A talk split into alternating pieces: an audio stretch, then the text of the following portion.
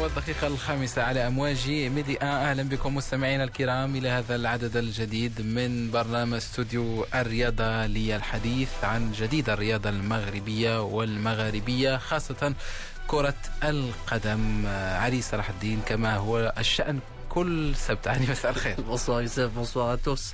Euh, 17h à 18h, c'est l'heure du sport à Médien et nous sommes ensemble euh, pour cette émission de Studio Sport afin de retracer l'essentiel de l'actualité nationale et internationale en termes de football mais également boxe et basketball. Plus une grande partie consacrée au football.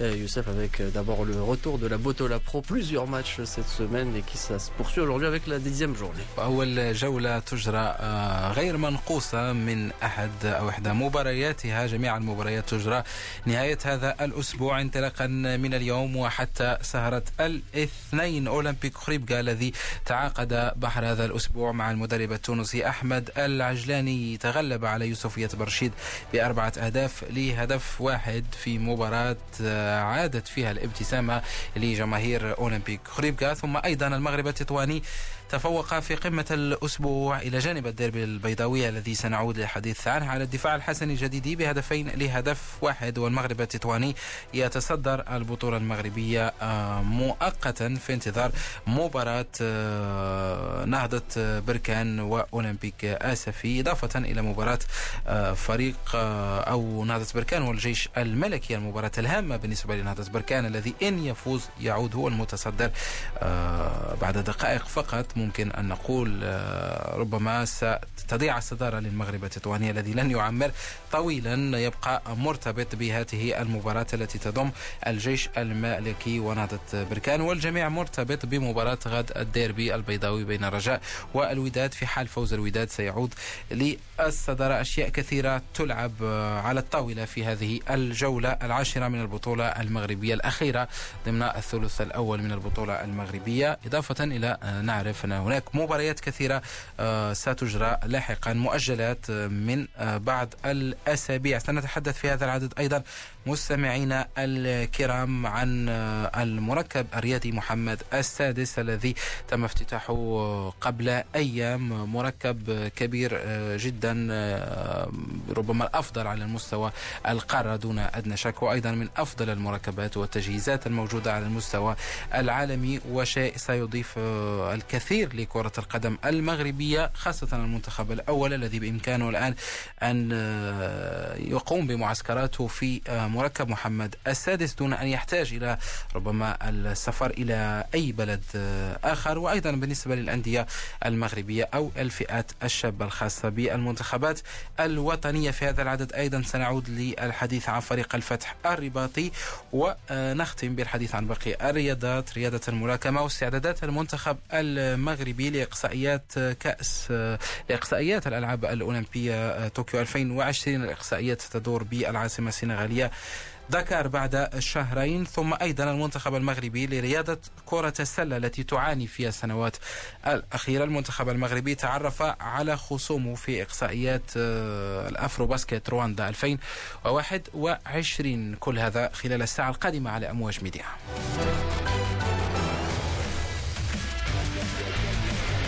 ونستهل هذا العدد مستمعينا الكرام بالحديث عن كرة القدم المغربية والجولة العاشرة من البطولة المغربية الاحترافية. جولة تبدأ مثيرة اليوم مع مباراة أولمبيك خريبكا. يوسفية برشيد اللقاء الذي انتهى لصالح الفريق الخريبكي بأربعة أهداف لهدف واحد مع إعلان الحكم عن ثلاث ركلات جزاء لصالح فريق أولمبيك خريبكا سجلها رضا الهجوج في المناسبات. الثلاث بينما أضاف الهدف الرابع لاعب صاروخ لاعب السابق للمغرب التطواني في الدقيقة الخامسة والخمسين بينما سجل لفريق يوسفية برشيد, برشيد نجيب المعتني في الدقيقة الحادية عشرة. أيضا من ركلة جزاء علي آه، أربع ركلات جزاء في مباراة واحدة وربما الجدل كبير بالنسبة لحكم المباراة. هناك بعض اللقطات التي أثارت الجدل سواء خاصة بالنسبة لفريق يوسفية برشيد الذي يقب يبقى يقبع في المركز ال- قبل الأخير بسبع نقاط فقط خلال هذا ال- الموسم. بينما أولمبيك خريبكا بغض النظر عن ركلات الجزاء وهل هي صحيحة أم لا يبقى آه، بيتذوق انتصار طعم انتصار مهم جدا مع المدرب التونسي أحمد العجلاني يبعده شيئا ما عن المراكز التي المتأخرة التي يحتلها. Oui, voilà, donc euh, l'Olympique de Khribga qui retrouve des couleurs après cette victoire. Alors on pourrait dire que les euh, pénalties euh, sifflés au cours de cette rencontre ont grandement euh, contribué à, ce, à, ce, à, ce, beau score qui est celui de 4 buts 1 pour l'OCK qui a encore du pain sur la planche puisque le plus dur reste à venir pour cette équipe qui est dans les bas-fonds du classement dans cette Botola Pro. On pourrait dire que cette dixième journée a été l'hymne de cette dixième journée, c'est un peu les, les pénalties puisque même lors de, du match contre le Moghreb de Tétouan et le Difa de Jadida, deux pénalties ont été sifflés, un de chaque côté Ayoub a transformé le penalty pour euh, l'équipe du MAT, tandis que Mehdi Kharnas a égalisé pour euh, l'équipe euh, du DSJ. Enfin, le but de la victoire est venu à l'heure de jeu par Ayoub Khal qui s'offre un doublé. On a dit tout à l'heure que le MAT reprend provisoirement les commandes de cette euh, la Pro en attendant la suite euh, des rencontres euh, qui se poursuivent aujourd'hui. L'équipe de la Renaissance sportive de Balkan qui affronte dans quelques instants l'équipe des phares de Rabat pour un choc. Et puis à partir de 20h, l'Olympique de Safi aura affaire au FUS de Rabat. Une journée qui commence plutôt bien, Youssef, et on espère que cela pourra, pourra donner lieu à un derby explosif entre les deux équipes. Le Wydad qui a une revanche à prendre sur l'orage. ثمانية أهداف علي في أول مباراتين في انتظار آه، باقي المباريات حصيلة آه، جيدة ولو أن كما قلنا الجدل آه، دائما ما يصاحب بعض الحالات التحكيمية الخاصة بركلات الجزاء كما قلت هناك مباراة أخرى تجرى في هذه الأثناء. الجيش الملكي يستقبل نهضة بركان نهضة بركان الفريق الوحيد الذي لم يخسر حتى الآن في بطولة في بطولة هذا الموسم. وبإمكانه أن يتصدر بنهاية اليوم اليوم آه، نهضة بركان بطبيعة الحال. فريق أظهر مستويات جيدة جدا سواء على المستوى الإفريقي أو على المستوى المحلي. وتنتظره سنة واعدة مع المدرب آه، طارق آه، أسكيتيوي أيضا علي اليوم هناك مباراة مهمة بالنسبة لفريق الفتح الرباطي وأولمبيك أسفي الفتح الرباطي الذي اختفى شيئا ما من المنافسة على المراكز الأولى في آخر سنتين رغم البداية الجيدة مع المدرب وليد الركراكي وتحقيق الألقاب بداية بكأس العرش ولقب البطولة المغربية. الفريق في آخر سنتين يعاني شيئا ما ثم ينهي الموسم وسط الترتيب بطبيعة الحال.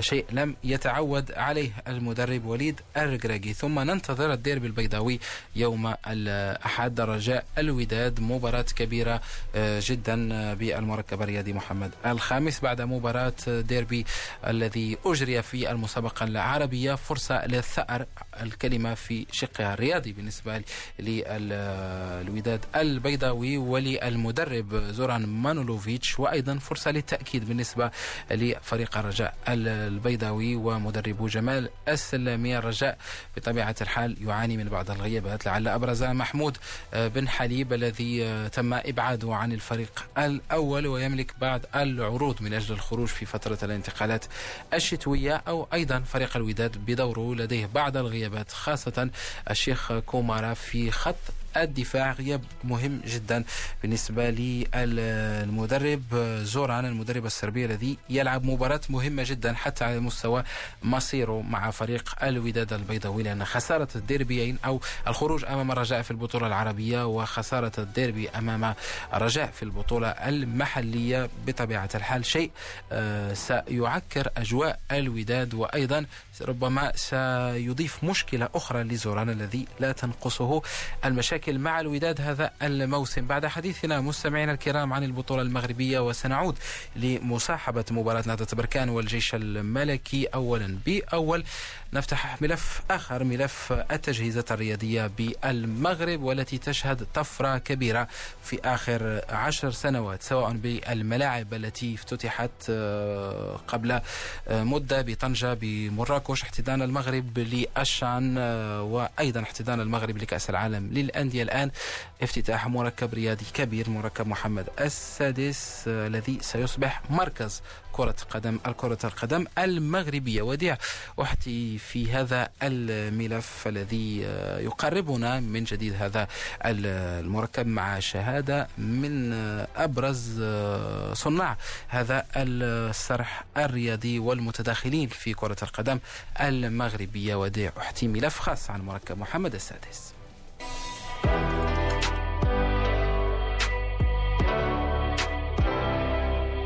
في رحاب غابة المعمورة بسلا رأى مركب محمد السادس لكرة القدم النور معلنا ميلاد صرح رياضي عال في المغرب. باعتباره ثمرة إصلاح وتحديث ما كان يعرف سابقا بالمركز الوطني لكرة القدم بالمعمورة. ليضاهي بذلك أبرز المراكز العالمية على مستوى البنى التحتية الرياضية. من قبيل كلير فونتين في فرنسا ولاس روزاس في إسبانيا. المركب الجديد الذي دشنه الملك محمد السادس يهدف بالأساس إلى استقبال معسكرات المنتخبات المغربية بجميع فئاتها. وكذا فتح الأبواب أمام المنتخبات الأجنبية التي تود إقامة تحضيراتها في المملكة المغربية. الجامعة المغربية وعلى مدى سنوات عملت بإمكانيتها المالية والبشرية لإخراج مركز من هذا الحجم إلى الوجود في إطار تنفيذ البرنامج الوطني لتحديث البنيات التحتية لكرة القدم الوطنية والذي تطلب غلافا ماليا وصل إلى 630 مليون درهم. المركب الذي شيد على مساحة ناهزت حوالي 30 هكتارا يضم أحدث الأجهزة الرياضية والملاعب. إذ يضم أربعة ملاعب مجهزة بالعشب الطبيعي وثلاثة بالعشب الاصطناعي بالإضافة إلى ملعب مع شوشب بالنوع الهجين. فضلا عن ملعب مغطى. كما نجد داخل أسوار المركب مسبحا أولمبيا في الهواء الطلق وملعب لكرة القدم الشاطئية وملعبي لرياضة التنس. ولأن الجانب الطبي بات يمثل جزءا كبيرا من العمود الفقري للساحرة المستديرة فالمركب أولى اهتماما ملموسا وواضحا للوحدة الطبية. فالجناح الطبي يحدثنا عن توفره على قاعة للعلاج الفيزيائي وطب العظام والمفاصل والطب النفسي والفحص بالصدى ووحدة طبية للمستعجلات كما سيعمل المركب بنظام رياضة ودراسة بالنسبة للمكونين. نستمع لرئيس الجامعة الملكية المغربية لكرة القدم فوزي الأقجع الذي حل ضيفا على برنامج الماتش. هو عندنا فضاء مهم يعني الموقع نتاعو موجود في قلب الغابة المعمورة بجوار مدينة الرباط. يعني أنت في مدينة الرباط إحنا بعاد ب 10 ولا 15 دقيقة على المركز نتاع مدينة الرباط. المركز موجود على بعد 5 ولا 10 دقائق من المطار. هذه العوامل وجعل الطريق السيار يعني هذه العوامل قلنا بأنه من الضروري أننا نستغلوا بشكل أو بآخر هذا المركز. كانوا عندنا مجموعة الاختيارات كان بالإمكان أننا نمشيو في واحد تصور. نتاع أننا نديروا واحد الوحدة فندقية يجيو فيها المنتخبات الوطنية واحد ولا زوج ونديروا واحد الملعب ولا زوج ونبقاو غادي. فقلنا بأنه إحنا غادي نديروا واحد الاستثمار معين. من الناحية المالية إحنا كنصرفوا 130 ل 140 مليون. إلا درنا واحد الاستثمار من جهة 500 ولا 600 مليون. قلنا بأنه هذا 630 غادي لامورتيسمون تاعها غادي يكون على أربع سنين. يعني واحد الاستثمار اللي تتأمورتي على أربع سنين وكل شيء من بعد يرجع ربح. فهو شيء جميل ومهم. فقلنا دي الفرصة أننا نعطيو لبلادنا والكرة المغربية ولا الرياضه بصورة عامة واحد الاستثمار اللي غادي يبقى ل 50 سنة. المقبلة. أعتقد أن مثل هذه المشاريع هي في حد ذاتها تحفيز ذاتي ومعنوي للممارسة الكروية داخل بلادنا. داخل أي منظومة كيفما كان نوعها لا تستقيم البنية التحتية المتقدمة من دون موارد بشرية كفء قادرة على إبرازها واستثمارها لتحقيق النتائج المرجوة. ولهذا فمركب محمد السادس لكرة القدم من المرتقب أن يستقبل أطرا تقنية وإدارية. من المفروض رأس مالها الرئيس يجمع في بوثقة واحدة الكفاءة والتجربة والخبرة والاستحقاق لكي نضمن حسن ترشيد كل هذه التجهيزات الضخمة. في سبيل تطوير كرة القدم المغربية عودة إلى فوزي لقجع الجانب البشري أنا بالنسبة لي الأمور واضح. عندنا اليوم في المغرب le potentiel كاين le potentiel brut quand il s'exprime à l'âge de 10 ans 11 ans 12 ans il est bon il est excellent même. المغرب ما يمكنش يجي شي حد نعم يقول لك الدراري المغرب ماشي كويرين كندوزو بواحد المرحله نتاع الفراغ من 10 سنين عليه حتى 20 طون وتنوضوا في المنت... في الفرق نتاع الصفوه المسؤولين والرؤساء. تنديروا مجهودات كبيرة باش تكون عندنا فرق وطنية تتمارس في المستوى العالي. وتنجيبوا مدربين في المستوى الكبير و les préparateurs physiques والطبيب وكاين اللي جاب ال mental وال psychologie إلى هذيك la phase de vide نتاع les 10 اللي دري non seulement ما تيتعلمش فيها بل كتوقع له même une dégradation de la valeur هذيك la phase كتخليه ملي يوصل لل senior. ما عندوش les capacités d'assimilation نتاع داك le contenu technico-tactique اللي تعطوا له. أنا بالنسبة لي أنا ماشي خبير ولكن أنا حاولت نفهم وحاولت نسمع وحاولت نستعن بالخبرة. pour moi c'est le véritable ديال donc دابا فين كاين l'enjeu l'enjeu il faut combler هاد le vide il faut détecter ce potentiel. عندنا des des, des potentiels اللي تيضيع في مجموعة المناطق. كما هو معلوم فالمركب الجديد يحتضن مكاتب العديد من المسؤولين التقنيين على المنتخبات الوطنية وكرة القدم المغربية بصفة عامة. على رأسها الإدارة التقنية الوطنية. الأخيرة تشكل حلقة الوصل بين جميع المنتخبات. إلى جانب دورها المحوري في تطوير منظومة كرة القدم داخل أسوار الأندية خاصة في شق التكوين والتنقيب عن المواهب الكروية. روبرت أوشن المدير التقني الوطني الجديد يتحدث عن التحديات التي تنتظره في ظل هذه المنشأة الرياضية والإمكانيات التي ستوفرها لها نستمع لروبرت أوشن في هذا الحوار الذي خص به برنامج الماتش. I've been fortunate in my career to uh, uh, في مشواري الرياضي ولحسن الحظ عملت وقمت بزيارات لمنشآت من هذا القبيل ولأكاديميات في العالم وخصوصا في أوروبا. وأنا متأكد من أن هذه المنشأة من بين الأفضل في العالم. هي تمنحنا فرصة كبيرة من أجل تطوير اللاعبين والفرق خلال السنوات القادمة. ولا يمكن لأي مدرب أن يطالب بمنشأة وبنية تحتية أفضل من هاته. لذا فأنا مسرور ومتشوق للعمل لكونها تمنحنا فرصة حقيقية للقيام بعملنا. Uh, uh. ليست هناك أعذار الآن للمدربين أو اللاعبين. لدينا أفضل التسهيلات. وأنا أعمل في هذه الأسابيع من أجل اختيار أفضل المدربين الذين بإمكانهم العمل مع أفضل اللاعبين لبناء منتخبات قوية. ولاعبين أقوياء.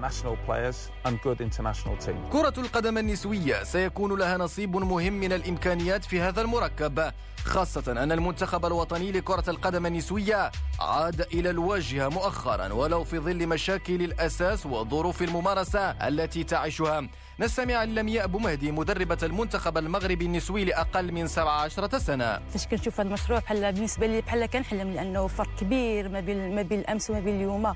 لأنه غير أقل شيء أبسط مثال غير الملاعب كنا كنلعبوا في ال terrain ال terrain حمري 10 سنين 15 عام هكايا كنا باقيين كنلعبوا في ال terrain ما راه كتلقى ال terrain ما كتلقاش أه ما كاينش يعني كتلعب فابور كتلعب غير pour le plaisir ما كاينش شي contrat ما كاين حتى شي حاجة. أه ملي كانت عندنا حب كرة القدم ما كناش ما كانش عندنا شي شي حاجة أخرى من غيرها كنا كنلعبوها حيت كنبغيوها دابا الحمد لله كلشي تغير. يتفق العديد من المتتبعين على أن المشهد الكروي في المغرب يخضع لسلطة العديد من المؤسسات من جامعات وأندية وسلطات حكومية ومنتخبة وكذا المؤسسات الدولية وهو ما يتطلب تنسيق مجهودات هذه المؤسسات لكي لا يكون هناك تنافر أو تباعد بينها في توحيد الرؤى بخصوص الإجراءات المصاحبة للاستفادة أكثر من هذا المركب الجديد ولا أدل على ذلك السرعة التي تسير بها مثلا الأندية المغربية على مستوى أكاديميات ومراكز التكوين وضرورة النهوض بالبنية التحتية الخاصة بالفرق المغربية. المركب الجديد من المفروض أن يكون محفزا للتوجه صوب إنشاء العديد من المراكز والمركبات الجهوية في إطار اللامركزية الرياضية على غرار مركز السعيدية الذي بلغ مراحله النهائية. نستمع لمنصف اليزغي الأستاذ الباحث في السياسات الرياضية. هذا المركز المفروض أن يشكل انطلاقة. لا أقول ان يظل هناك تمركز لهذا المجال في مدينة الرباط ونواحيها وإنما يجب يجب أن تكون لا مركزه لا مركزية في هذا الاتجاه من خلال بناء مراكز أخرى. إن هناك أيضا مراكز تهم أندية أخرى كالوداد كالرجاء كالمغرب التطواني ونهضة بركان وأيضا مراكز أخرى في مناطق أخرى كما هو الحال في بني ملال والرشيدية إلى آخره. اذا هي محاولة من أجل أن تكون هناك لا مركزية تطوير كرة القدم وعدم الاكتفاء بمركز في في, في العاصمة الرباط والأكيد انه هذا المجهود يجب أن يصاحبه مجهود ومشاريع من طرف الأندية بمصاحبة واضحة سواء من الجامعة الملكية المغربية وأيضا الجماعات المحلية التي بإمكانها أن أن تخلق تنمية رياضية في المناطق التي تشرف عليها. امتحان جميع الشركاء على راسهم الجامعة الملكية المغربية لكرة القدم يحمل في سؤاله الرئيس كيف سينعكس هذا المركب الجديد على نتائج المنتخبات الوطنية؟ وهل تستفيد الساحرة المستديرة المغربية من سحر هذا المركب الضخم؟ وتجد مكانا لها في منصات التتويج. منصة ستتوج من دون شك مجهودا من حجم مركب محمد السادس لكرة القدم.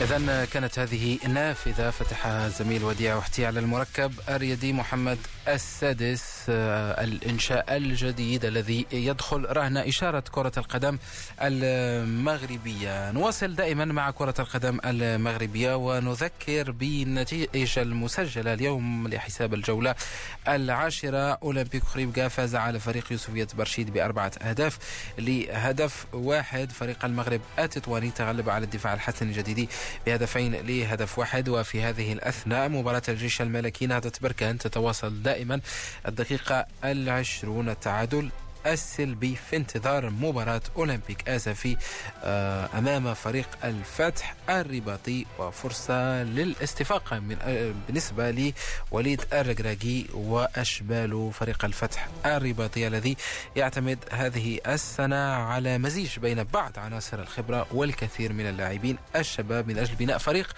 للسنوات المقبلة. كما عادت فريق الفتح الرباطي مع آه، رغم اختلاف الأسماء من جمال السلامي لحسين Walid Oui, 9e au classement euh, général, le FUS mise essentiellement sur la qualité, la qualité de ces jeunes. Ça s'est vu euh, donc le mois dernier avec euh, ce partenariat avec l'Olympique lyonnais, l'un des grands clubs de France pour les trois saisons à venir. L'académie du FUS qui va bénéficier de l'expertise de ses, de ses collègues français. On va écouter à ce sujet le président du FUS, Dora Hamza Al-Hajwi, qui revient sur ce partenariat avec l'OL Avec différentes visites que les responsables de l'Académie de l'Olympique lyonnais ont fait à notre, club lors de différents euh, tournoi, essentiellement le tournoi, international qu'organise l'Académie Mohamed VI de Salé de football. Et euh, ça dure depuis deux ans.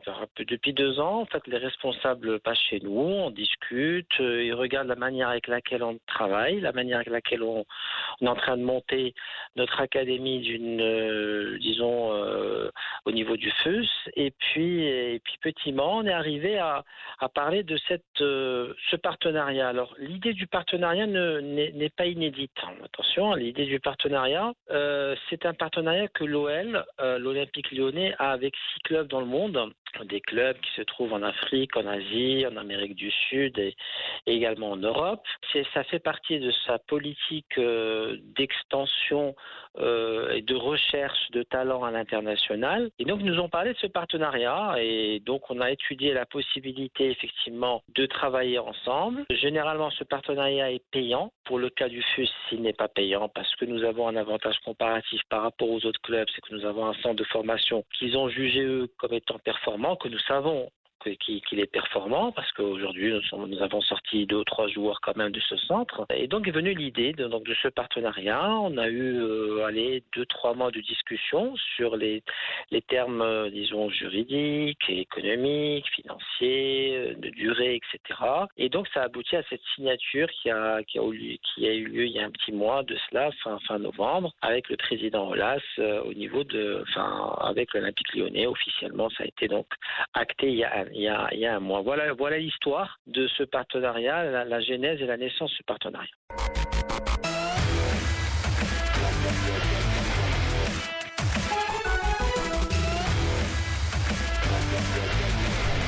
17h34 minutes à l'écoute de Médien. Bienvenue à vous si vous venez de nous rejoindre. C'est la deuxième partie de Studio Sport et nous sommes ensemble jusqu'à 18h. Nous avons parlé football au Maroc avec l'ouverture du complexe Mohamed VI et le partenariat du FUS de Rabat avec l'équipe française de l'Olympique lyonnais avec bien sûr un regard complet sur la dixième journée de Botola Pro et de ses principaux résultats avec la victoire du Moghreb de Tétouan provisoirement leader de Botola Pro en attendant la suite des rencontres. On traverse l'autre côté de la rive pour aller en Europe et plus précisément en Espagne pour s'intéresser à la Liga. Quelques jours après le Classico qui n'a pas connu de vainqueur, le Barça et le Real Madrid vont poursuivre leur mano à mano en tête de la Liga. En ce moment, le FC Barcelone qui est bien sûr euh, opposé à l'équipe du Deportivo Alaves, Youssef et pour l'heure, les Catalans ont, remplissent leur part du contrat. Ernesto Valverde أعلن ينهي هذا هذه السنة كمتصدر للليغا في حال مواصلة هذا الانتصار السهل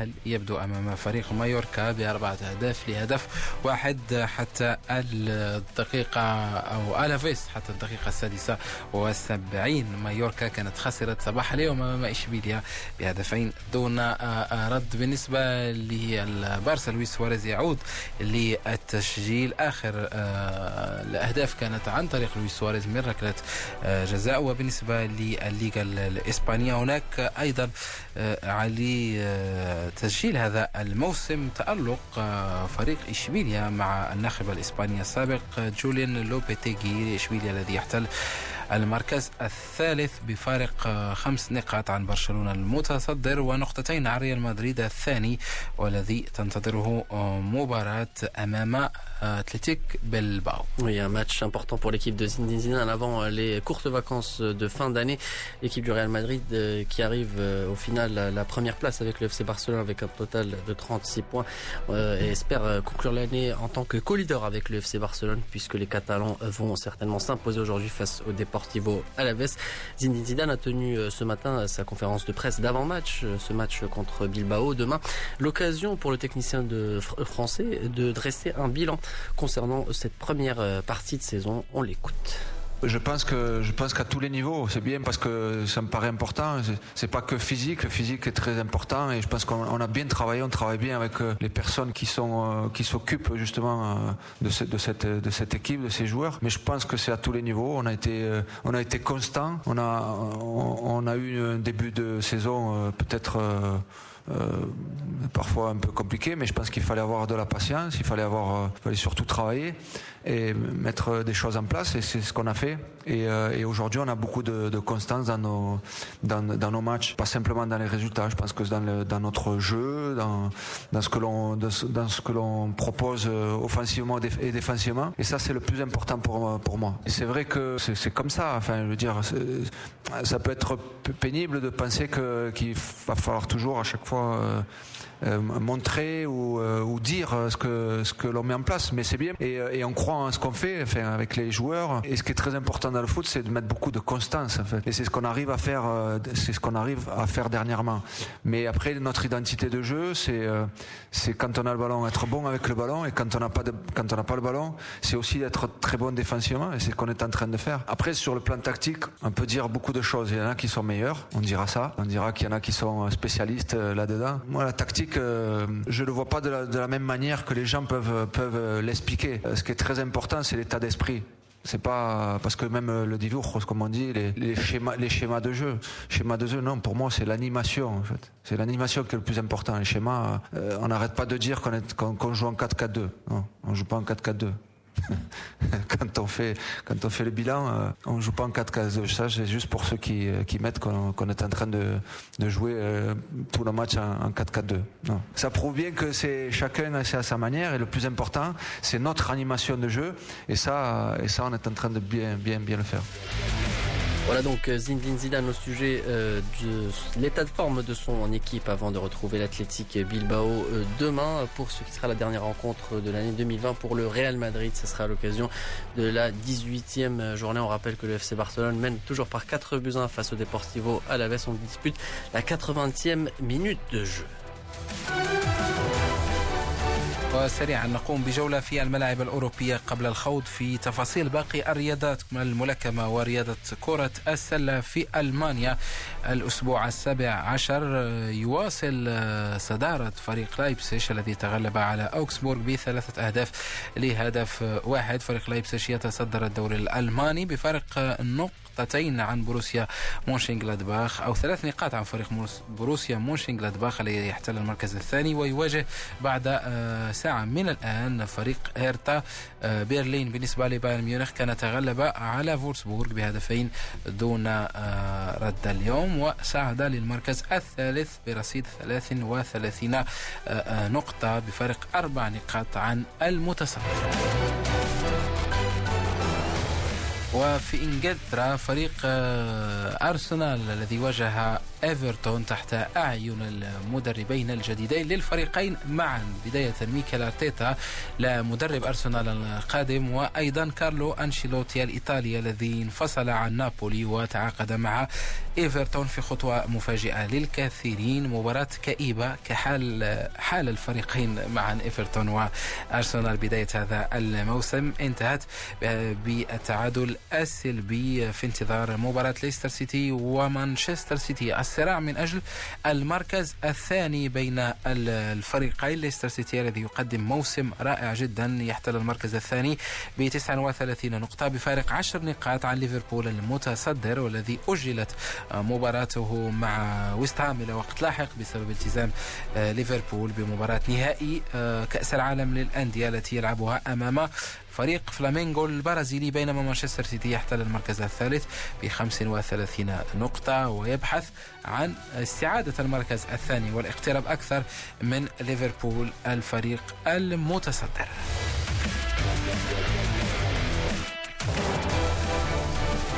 وفي إيطاليا بعد آه، فوز آه، يوفنتوس آه، وتصدره للدوري الإيطالي خلال بحر هذا الأسبوع في المباراة التي كانت مقدمة أمام سامدوريا. الفوز بهدفين لهدف واحد بفضل الهدف لباولو ديبالا ثم هدف لكريستيانو رونالدو. الأنظار تتجه لمباراة انترناسيونالي ميلانو والطرف الثاني لمدينة جنوا. فريق جنوا انطلاقا من الساعة السادسة ورهان أنطونيو كونتي مدرب الإنتر العودة من جديد لصدارة الدوري الإيطالي.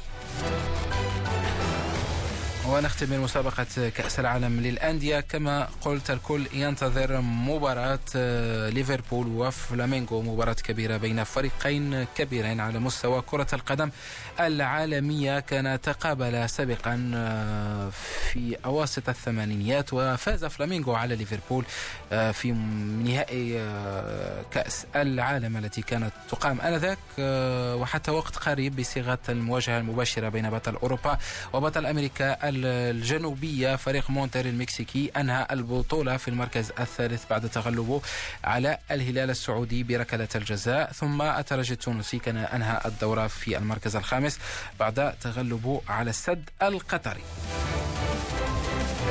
والمباراة بين الجيش الملكي نهضة بركان الدقيقة السابعة وثلاثون دائما التعادل السلبي دون أهداف المباراة الثالثة المبرمجة اليوم في انتظار مباراة أولمبيك أسفي الفتح الرباطي.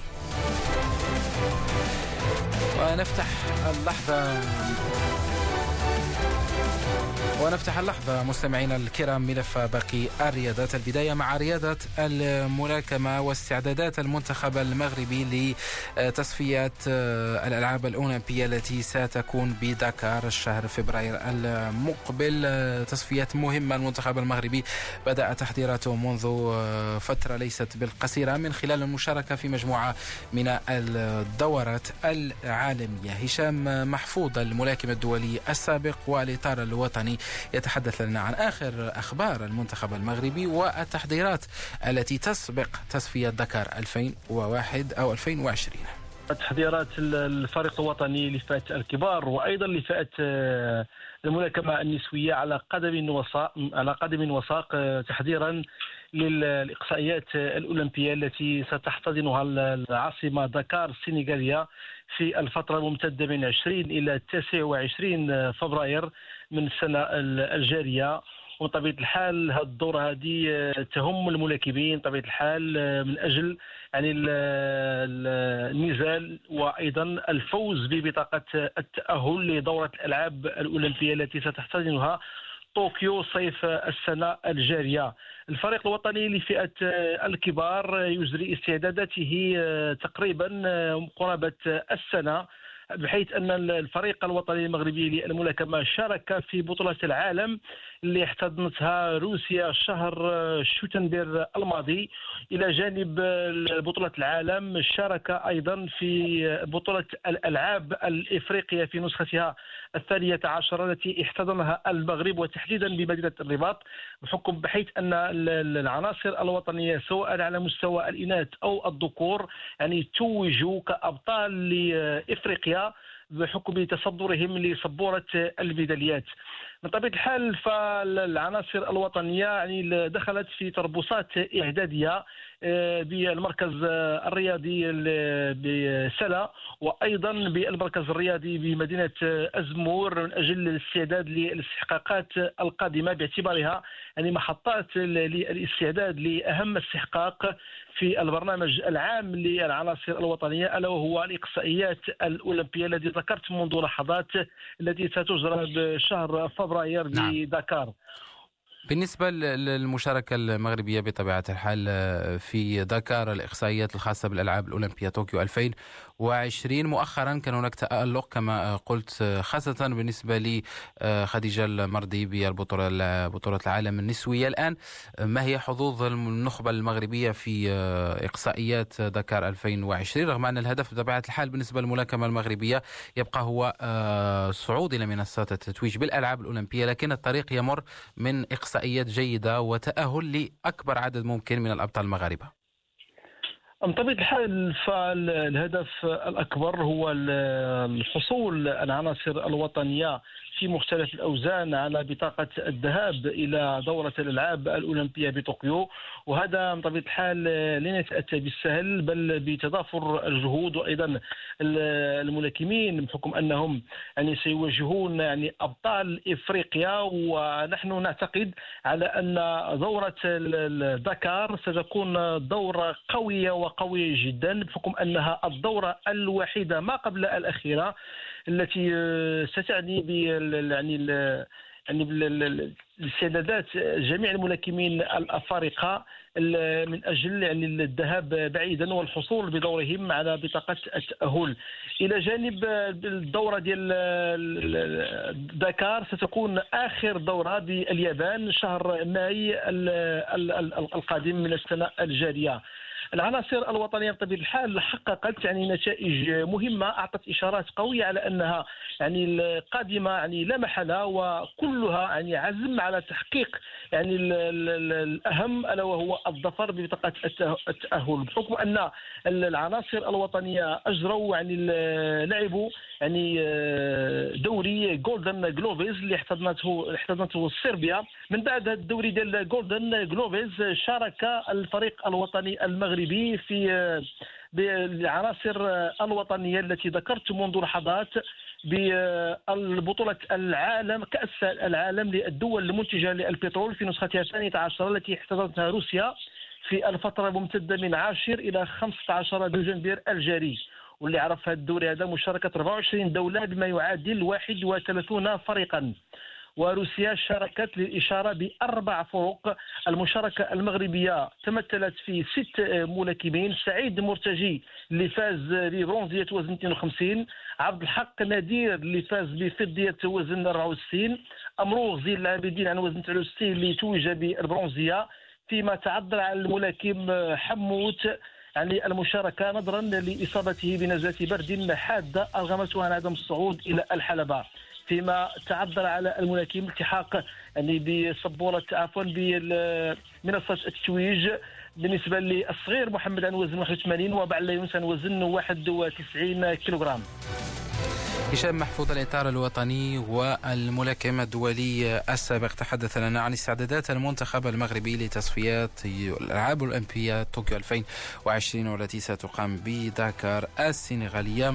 العام فبراير من العام القادم. نواصل دائما مع باقي الرياضات ورياضة كرة السلة. المنتخب المغربي تعرف على مجموعته في تصفيات ال AfroBasket رواندا 2021 المنتخب المغربي في المجموعة الخامسة إلى جانب المنتخب المصري أوغندا والفائز من المباريات السد التي ستجمع غانا ليبيريا والنيجر. الناخب المغربي السابق والإطار الوطني علي أيتو. علي يتحدث لنا عن حظوظ المنتخب المغربي في تصفيات. آه، يعني اشتقنا اشتقنا إلى ممارسة كرة السلة اولا على صعيد البطولة وبالتالي على المنتخب المغربي الذي سيشارك في إقصائيات بطولة إفريقيا. اللي تم التغيير ديالها كانت قبل كل سنتين كتكون البطولة الإفريقية. دابا بالقانون الجديد على أربع سنوات على كأس العالم والألعاب الأولمبية. آه، اذا تم توزيع المجموعات أن المغرب ينضم إلى 15 فريق مؤهل مسبقا وكتبقى الخمس الفرق الأخرى تتلعب أدوار ديال التأهيل باش يلتحقوا مع المجموعات ديال الباقية. لأن تكونت خمسة المجموعات كل مجموعة فيها آه، فريق يعني يعتبر الفريق الأقوى وبالتالي الفريق الثاني في المستوى الثالث والرابع. اذا الفريق الوطني المغربي كينتمي إلى المجموعة أه تضم فريق آه، مصر أوغندا والفائز في آه، زون ثلاثة آه، الفريق المغربي يعني عنده عنده حظوظ كثيرة للتأهل إلى الدور الثاني اللي غادي تكون من بعد. بالإضافة إلى مجموعة من الفرق على سبيل المثال الفريق التونسي والسنغالي والكاميرون وكوت ديفوار نيجيريا ومالي والكونغو كذلك. يعني هناك فرق قوية وكرة السلة الإفريقية الآن في هذه الآونة الأخيرة برزت بشكل كثير. يعني ما كاينش فريق ضعيف بالمفهوم ضعيف. إحنا شفنا الفريق الوطني المغربي في آخر بطولة إفريقية انهزم أمام تشاد. يعني هذا الشيء كي اذا كان كيعني شي حاجة كيعني بأن الفرق الصغرى بدات كتقوى وبدات كتظهر على الصعيد آه، الإفريقي كما هو الشأن في كرة القدم. اذا الفريق المغربي سيكون آه، المواجهة الأقوى اللي غادي تجمعه هي مع الفريق المصري. وكذلك الفريق الأوغندي لأن فريق هو فريق قوي عنده بعض اللاعبين اللي كيمارسوا آه، في البطولة آه، الأجنبية وبعض اللاعبين اللي كانوا كيمارسوا في البطولة المغربية. البطولة غادي تكون قوية بحكم كما قلت لك أن بدا التقارب بين الفرق القوية والفرق المتوسطة بدأ كيكون هناك فرق آه، يعني برزات بشكل آه، كبير. في آخر بطولة إفريقيا شفنا غينيا غينيا كذلك هي فريق قوي. آه، عرفنا في البطولة الإفريقية اللي جرت في المغرب في الآونة الأخيرة على الصعيد الاناث الفريق الأونغولي ديال أونغولا معروف. عليه احرازه بعدة بطولات. فريق السنغال السنغال عنده لاعبين محترفين تيلعبوا في البطولة الأوروبية وكذلك في أوروبا في البطولة الأمريكية في الجامعات وعلى حساب ان بي اي فريق التونسي بطل إفريقيا. كذلك الكونغو عنده لاعبين ممتازين. تيمارسوا أغلبية من مجموعة منهم تتمارس في البطولة الإسبانية. وكذلك في الجامعات الأمريكية. الفريق المغربي يعني في الدور الأول على الورق عنده مؤهلات باش غيمر الدور الثاني ولكن الظروف اللي كتعيشها كرة السلة المغربية كيبقى آه كيبقى نقطة استفهام شنو غادي الاستعداد وكيفاش غادي تكون الفريق الوطني المغربي وشكون هما الأهداف اللي غتكون مسطرة في إطار هاد التغييرات اللي واقعة مع اللجنه المؤقتة والتعيين ديال المكتب الجامعي المقبل. تتبقى نقطة استفهام ما نقدروش نجاوبوا عليها حتى يتكون المكتب الجامعي الجديد اللي غادي يكون عنده الآهلية وباش غادي يستعد لهذه البطولة الإفريقية. علي أيتو علي الناخب المغربي السابق والإطار الوطني في رياضة كرة السلة. تحدث لنا عن المنتخب المغربي للعبة وتصفية ال AfroBasket رواندا 2021 بهذا مستمعينا الكرام نختم هذا العدد من استوديو الرياضة الموعد يتجدد غدا في نفس التوقيت وعلى نفس المحطة. إلى اللقاء.